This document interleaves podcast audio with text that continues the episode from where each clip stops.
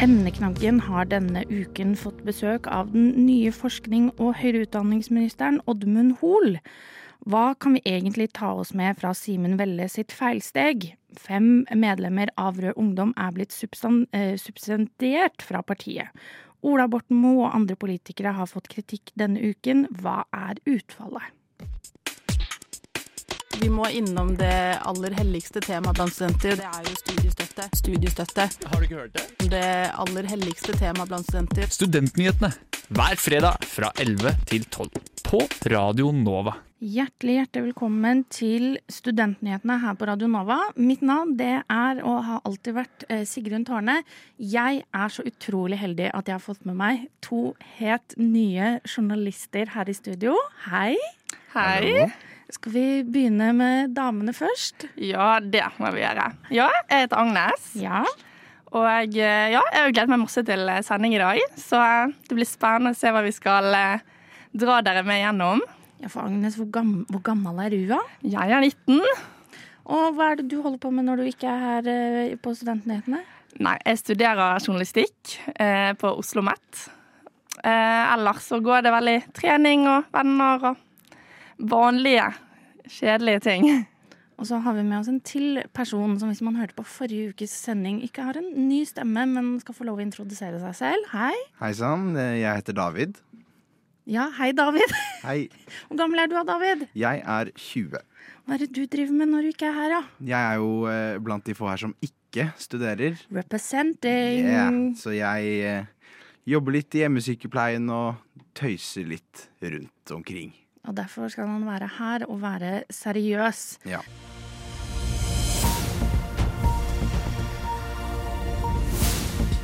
Utdanningsnytt melder at antallet meldinger om trusler og vold mot skoleansatte har økt med 30% på ett år.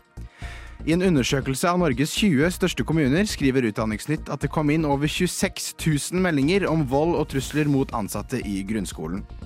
Det er i gjennomsnitt 136 hendelser hver dag, og over 6000 hendelser mer enn året før. Leder i Utdanningsforbundet Geir Røsevold sier at dette er skremmende høye tall, og at no nå må noe gjøres. Utdanningsdirektoratet lanserte torsdag ni nye råd for hvordan skolen bør håndtere kunstig intelligens. Dette innebærer bl.a. at elevene lærer om kildekritikk, og at lærerne vurderer når i undervisningen kunstig intelligens er relevant å bruke. Direktør i Utdanningsdirektoratet, Morten Rosenquist, sier til Dagsavisen at rådene er viktig for å sikre at elevene får vist sin kompetanse på en rettferdig måte. Rådene er derimot ikke bindende, og det er opp til hver enkelt skole hvordan de vil håndtere kunstig intelligens videre i undervisningen. Fem menn er skadet og en kvinne er omkommet etter at et helikopter styrtet i sjøen utenfor Sotra onsdag kveld. Helikopteret tilhørte søk- og redningstjenesten og var på en øvelse da ulykken skjedde. De seks personene ble hentet opp fra sjøen av et annet redningshelikopter som allerede var ute på øvelse da ulykken fant sted. De overlevende er nå innlagt på Haukeland universitetssykehus. Havarikommisjonen er i gang med å undersøke hvorfor helikopteret styrtet, men røffe værforhold gjør det vanskelig å hente helikoptervraket, som trolig ligger på 300 meters dyp. Helikopterflygningene i Nordsjøen er nå åpnet opp igjen. Saken er hentet fra NRK. Digitale læremidler som blir brukt i skolen, har manglet universell utforming. Vil si at teknologien ikke kan benyttes av flest mulig elever. Dette kom frem i en rapport som Tilsynet for universell utforming av IKT la frem tirsdag. De digitale utformingene som er nå, er ikke tilrettelagt for personer med nedsatt funksjonsevne, noe som gjør det vanskeligere for dem å delta i undervisningen på lik linje som klassekameratene. Regjeringen jobber nå for å finne ut hvilke digitale læremidler kommunene bør kjøpe inn. Dette var ukens nyhetsoppdatering, og mitt navn er Agnes Lorentz. Med meg hadde jeg David Megard Grønli.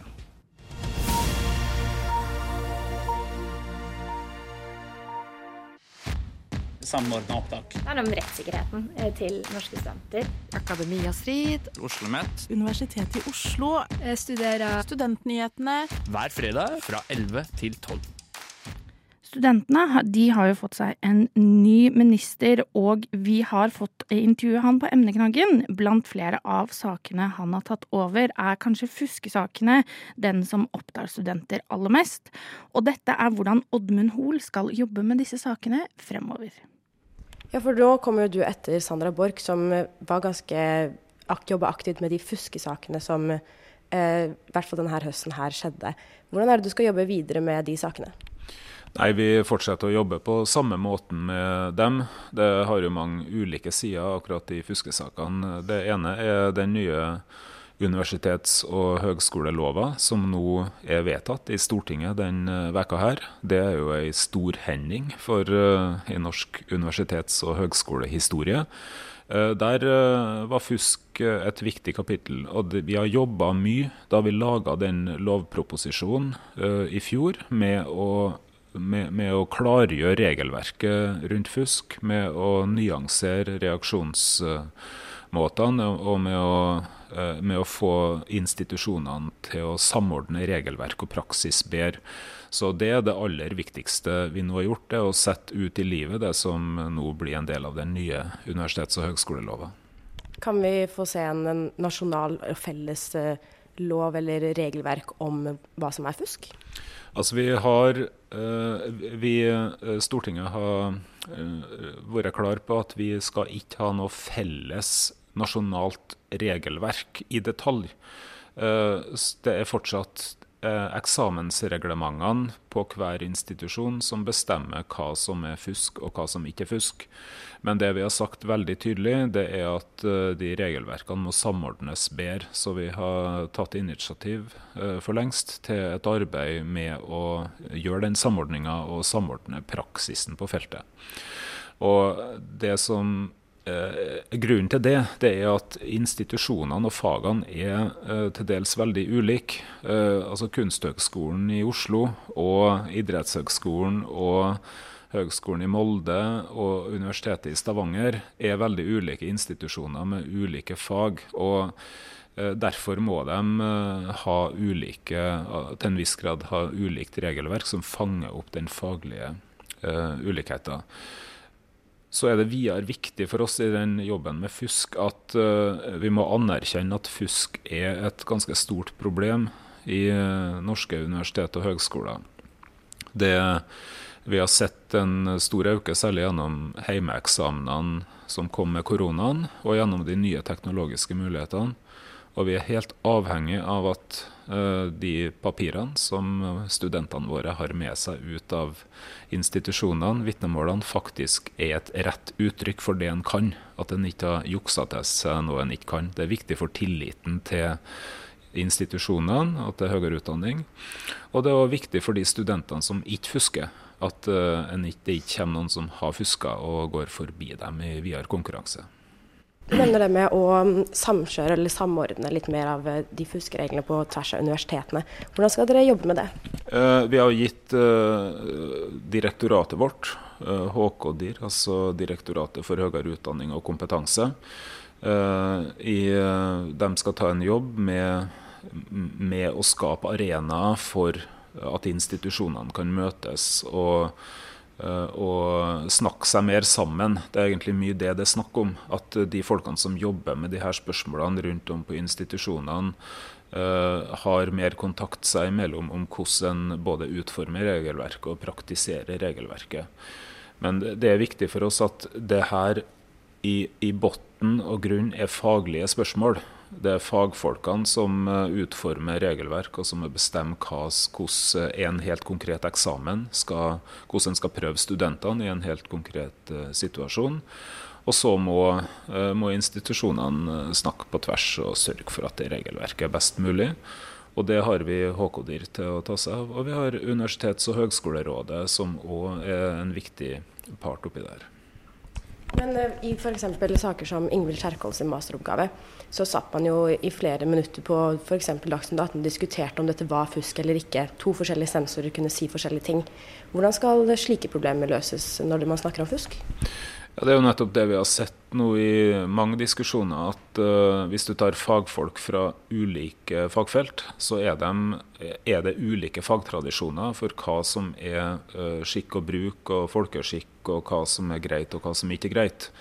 Uh, og derfor, derfor, må det her springe ut av hva er standarden på det her fagfeltet. Og så må vi ha et regelverk som tar utgangspunkt i det. Og da må vi til en viss grad godta at det er, eh, at det er noen nyanser.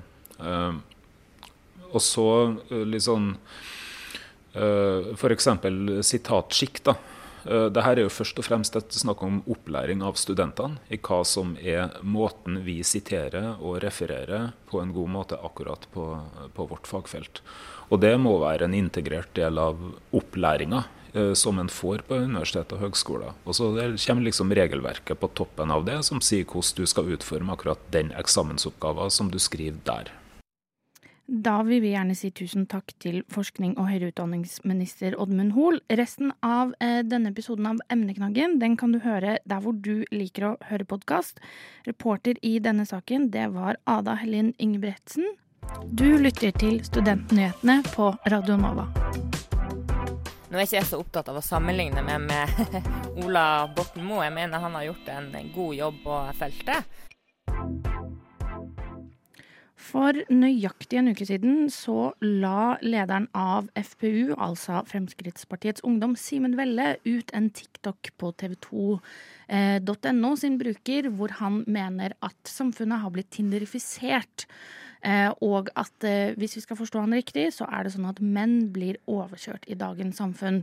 Men vi skal ikke snakke om at Simen Velle som han også sier selv, har driti seg litt ut og valgt feil ord.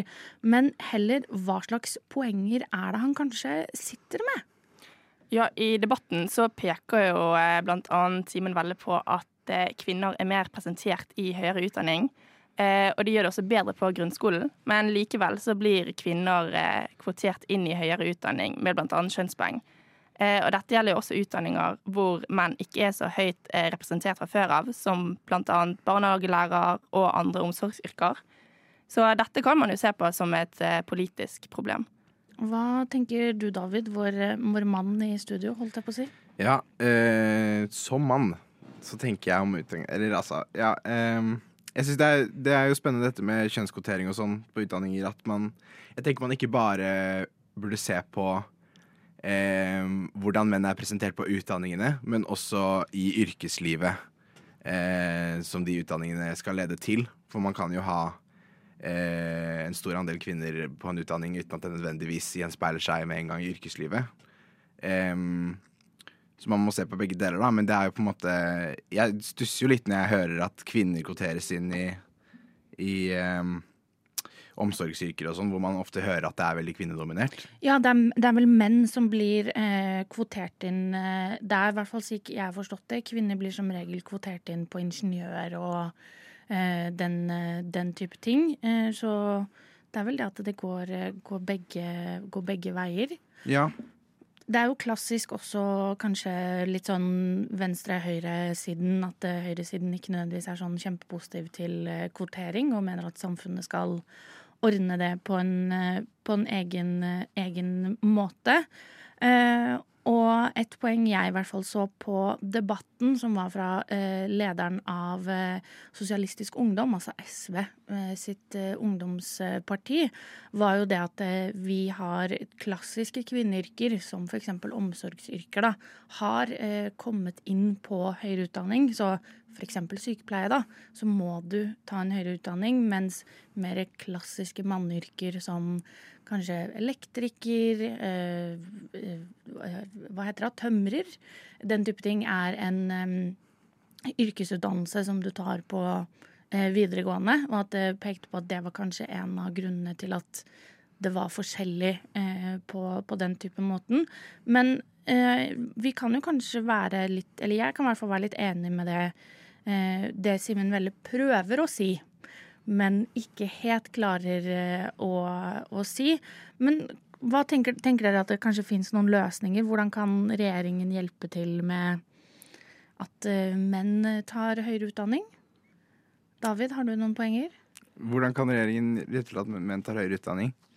Eh, nei, jo, altså det er jo jeg, jeg synes, Det er litt det samme som jeg sa i stad. Men jeg synes, eh, når man kjønnskvoterer inn på et studie, så tenker jeg at det bør følges opp ganske tett. Man burde undersøke år for år hvilken effekt det har, sånn at ikke balansen tipper andre veien, på en måte. Eh, og det er også litt sånn eh, langsiktig. Eh, man må tenke litt langsiktig på det også, da.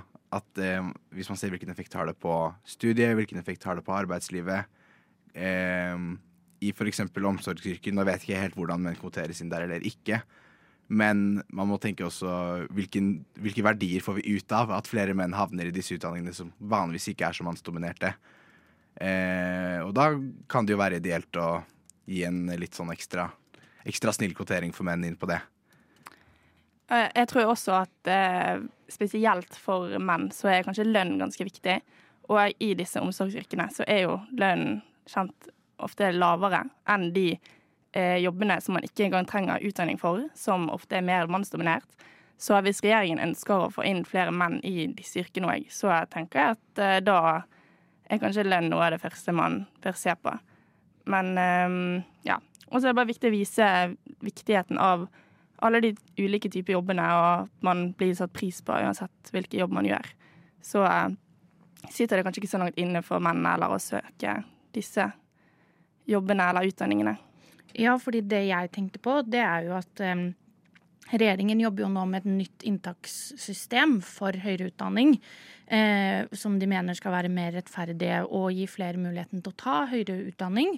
Eh, hvor bl.a. leder av Norsk studentorganisasjon, NSO, eh, Olene Sæther, som vi har snakket med eh, tidligere i år på eh, emneknaggen, snakket om at motivasjonsbrev, litt sånn som man har det i f.eks. England, eh, Storbritannia, at det også skal være noe som skal eh, og så, for å sparke opp en dør som vi kanskje ikke snakker så veldig mye om her på Studentnyhetene, trenger vi at så veldig mange tar høyere utdanning? Ja, det lurer jeg egentlig også på. Jeg merker at eh, det er flere og flere som ikke tar eh, høyere utdanning, eller venter med å ta høyere utdanning.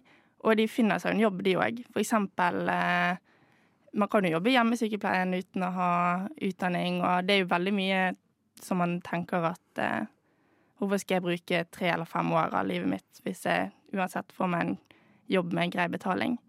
og det viktigste er jo at samfunnet går rundt, og hvis det er man kan klare de jobbene med uten utdanning, så ja. Så trenger man kanskje ikke å bruke så lang tid på det. Jeg eh, er jo foreløpig uutdannet, og jeg får jo høre mye fra mine foreldre at sånn, det går fint, men altså, du må ha en utdanning.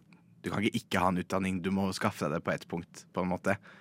Eh, og det er liksom bare noe alle sier, eller alle syns, og det handler jo mye om forskjellige lønnstrinn, og vi hadde jo et stikk her for et par uker siden om at mange tar master ikke fordi de trenger det, men bare fordi de vil ha masterlønn. på en måte. Så man må kanskje se på eh, hva vi insentiverer med utdanningsopplegget, og hvordan det hjelper oss. F.eks. i sykepleieryrker er et eksempel da, hvor det er veldig mange som gjør en god jobb på den uutdanna siden av feltet, på en måte det blir i hvert fall veldig spennende å se. Det virker som at det, eh, dette er en debatt vi skal følge nøye med på. Og kanskje man får en endring, og at vi får et mer likestilt samfunn for eh, alle, alle involverte og alle kjønnsidentiteter.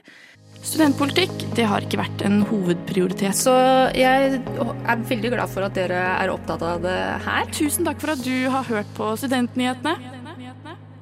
En internkonflikt i Rød Ungdom har resultert i at eh, fem medlemmer har blitt utestengt fra partiet, og dette har skjedd i forkant av partiet sitt landsmøte, som skal holdes i april.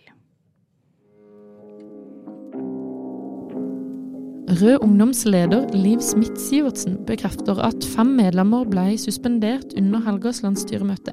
To av disse medlemmene satt i sentralstyret, og hendelsen skjedde rett under to måneder før det planlagte landsmøtet i april. Å være suspendert betyr at man midlertidig fratas både arbeidsrett og arbeidsplikt fra arbeidsplassen sin. Og en suspensjon skal som hovedregel ikke vare lenger enn tre måneder.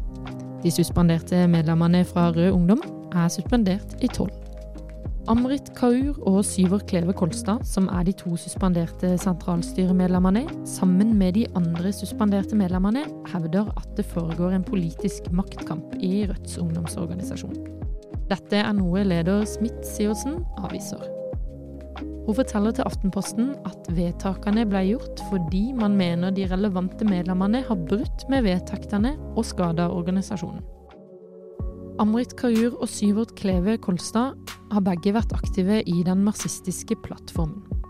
Kolstad selv forteller i et intervju at han mener han ble suspendert pga. ideologiske uenigheter internt i partiet. Han mener at suspensjonen er en del av ønsket om å gjøre partiet mer marxistisk, og han kritiserer prosessen for å være ekstremt udemokratisk. De suspenderte hevder at suspensjonsprosessen er et forsøk på et kupp fra Smith sin side om å dra partiet mer til venstre, noe hun selv er uenig i. Dette handler om at i forkant av landsstyremøtet sendte et lokallag innspill til styret om ekskludering av 26 medlemmer. Disse var en del av marxistisk plattform. Grunnen til at det er snakk om et kupp fra de suspenderte side, kommer av at de to sentralstyremedlemmene planla å stille som ledere, men ble suspendert. Dette var også noe Smith-Sivertsen ikke visste om på forhånd. Under avstemninga om suspensjon ble 26 personer nekta retten til å stemme, og de fikk heller ikke lov til å være til stede under selve avstemninga. Leder Smith-Sivertsens fravær under suspensjonsbeslutninga kaster også tvil over rettferdigheten i avgjørelsen. Denne konflikten har også blitt omtalt på flere plattformer, ikke bare internt i partiet og avisene. På sosiale medier reflekterer Alberte Backhus, leder for valgkomiteen, over situasjonens kompleksitet. Hun identifiserte en generell økning i konfliktnivået, samt en behandling av politiske og personlige uenigheter som bidragsytere til utfordringene. Hun pekte spesielt på en opplevd splittelse i partiet der medlemmer ble delt i forhold til hvilke organer de tilhørte, og uenigheter om strategier for å engasjere unge velgere. Det er ikke planlagt konkrete tiltak for å erstatte de suspenderte før landsmøtet i april.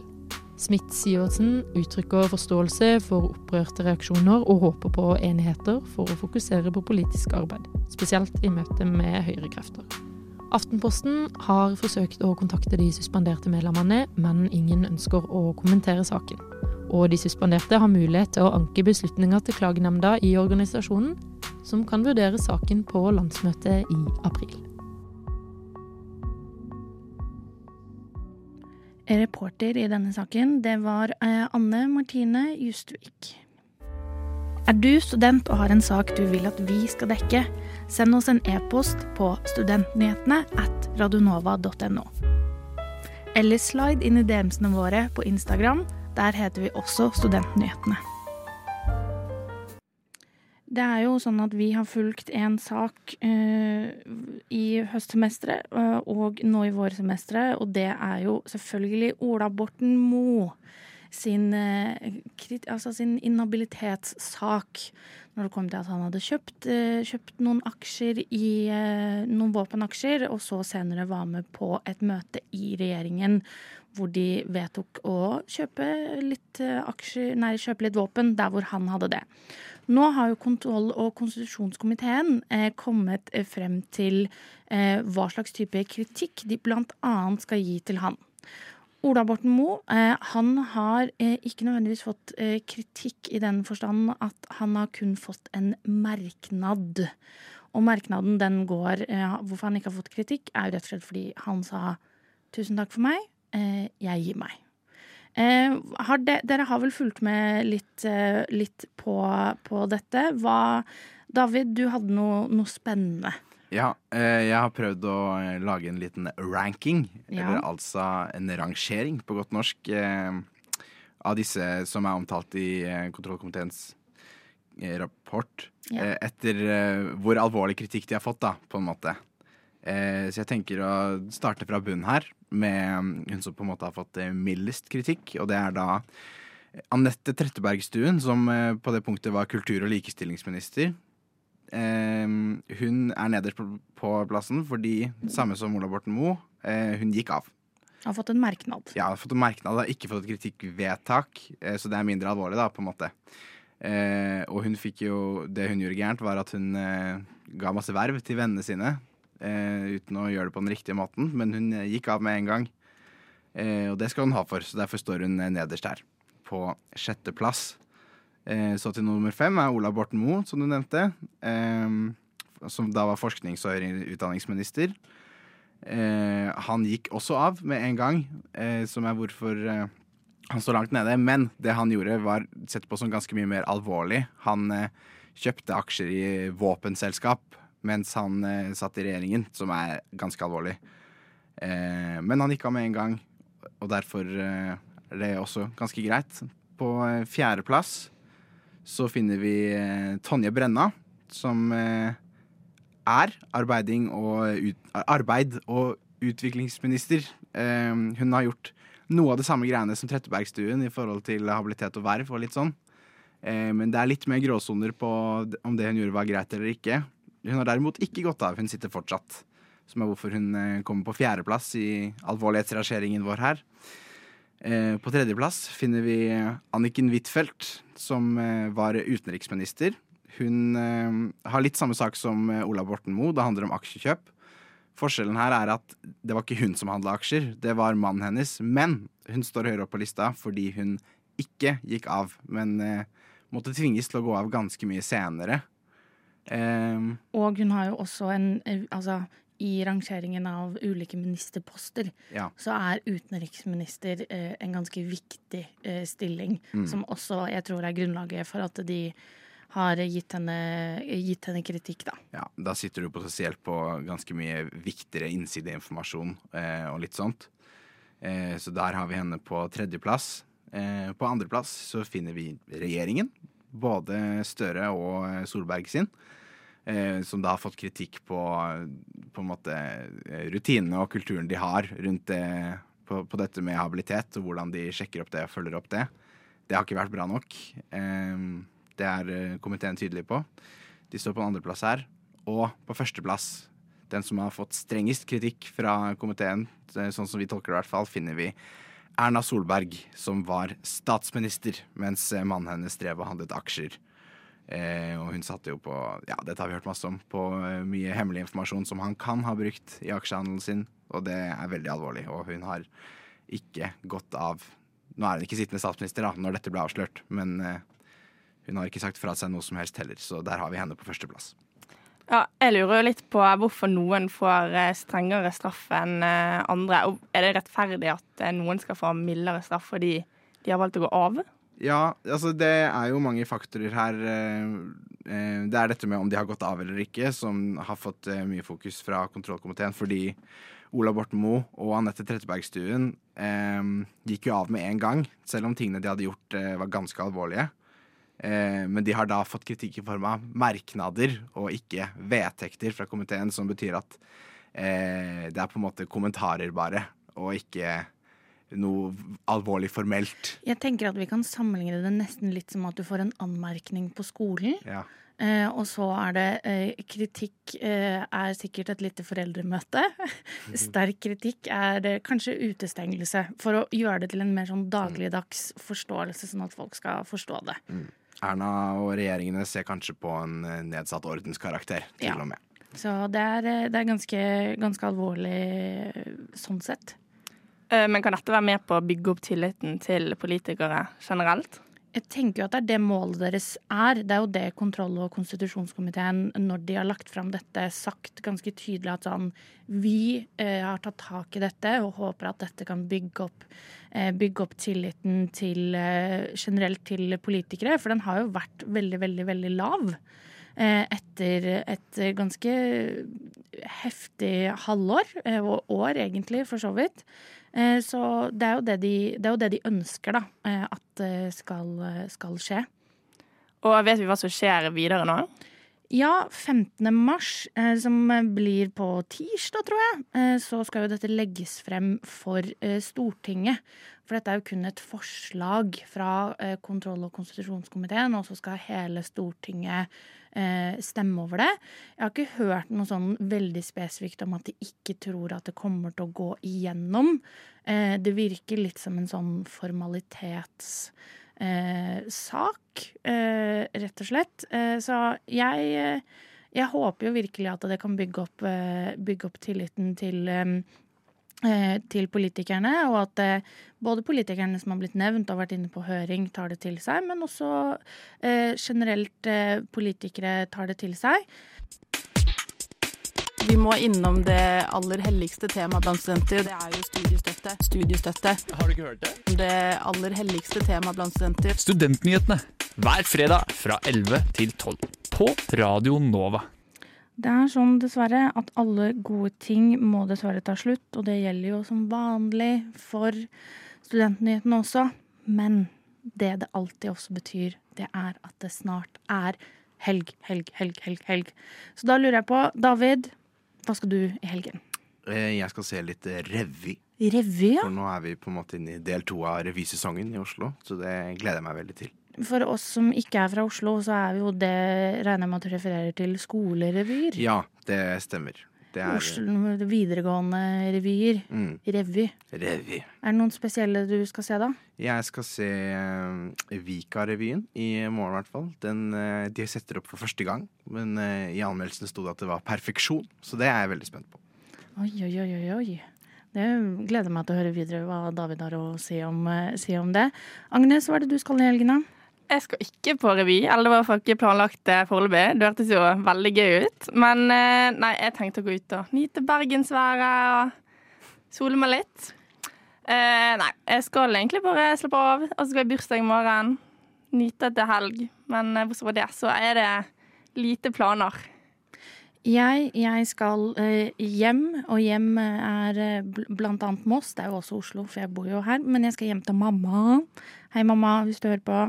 Eh, alltid viktig å si hei til mamma. Eh, men jeg skal hjem til mamma. Hun har hatt en liten operasjon, eh, så da må jeg passe på henne. Passe på mamma, passe på hun og passe på mormor. Eh, så jeg skal gå hjem og være en omsorgsperson for, eh, for flere i min eh, familie. Så det gleder jeg meg til. Det blir, det blir godt å få det til. Jeg vil jo gjerne takke for at du har hørt på Studentnyhetene i dag. Har du kommet akkurat inn nå, har du hørt alt vi har sagt, og du har lyst til å høre det igjen, så kan du selvfølgelig høre det på podkast der hvor du liker å høre på podkast. Eh, og så følg oss veldig gjerne på, eh, på sosiale medier, på Instagram. Der heter vi Studentnyhetene. Der kan du som vanlig slide inn i DM-ene våre hvis du har et lite tips eller en sak du vil at vi skal, eh, skal dekke. Ris og ros tar vi også imot der. Alle helst eh, ros, da. Eh, det er det vi liker aller best å høre. Men jeg vil jo ikke at du skal skru av radioapparatet ditt. Fordi rett etter oss så kommer eh, radiotjenesten, og de har noen morsomme greier, hørte jeg i hvert fall. Jeg jeg snakket med de litt tidligere denne uka her. Mitt navn det er eh, Sigrun. Jeg har eh, vært også på Teknikk i dag. Eh, og med meg i studio så har jeg hatt Agnes og David. Eh, og så tenker jeg bare å si ha det bra og hjertelig god helg. God helg. God helg.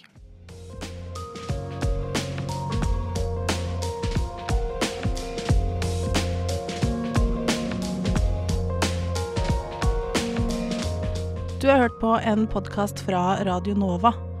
Finn flere podkaster på din foretrukne podkastavspiller eller radionova.no.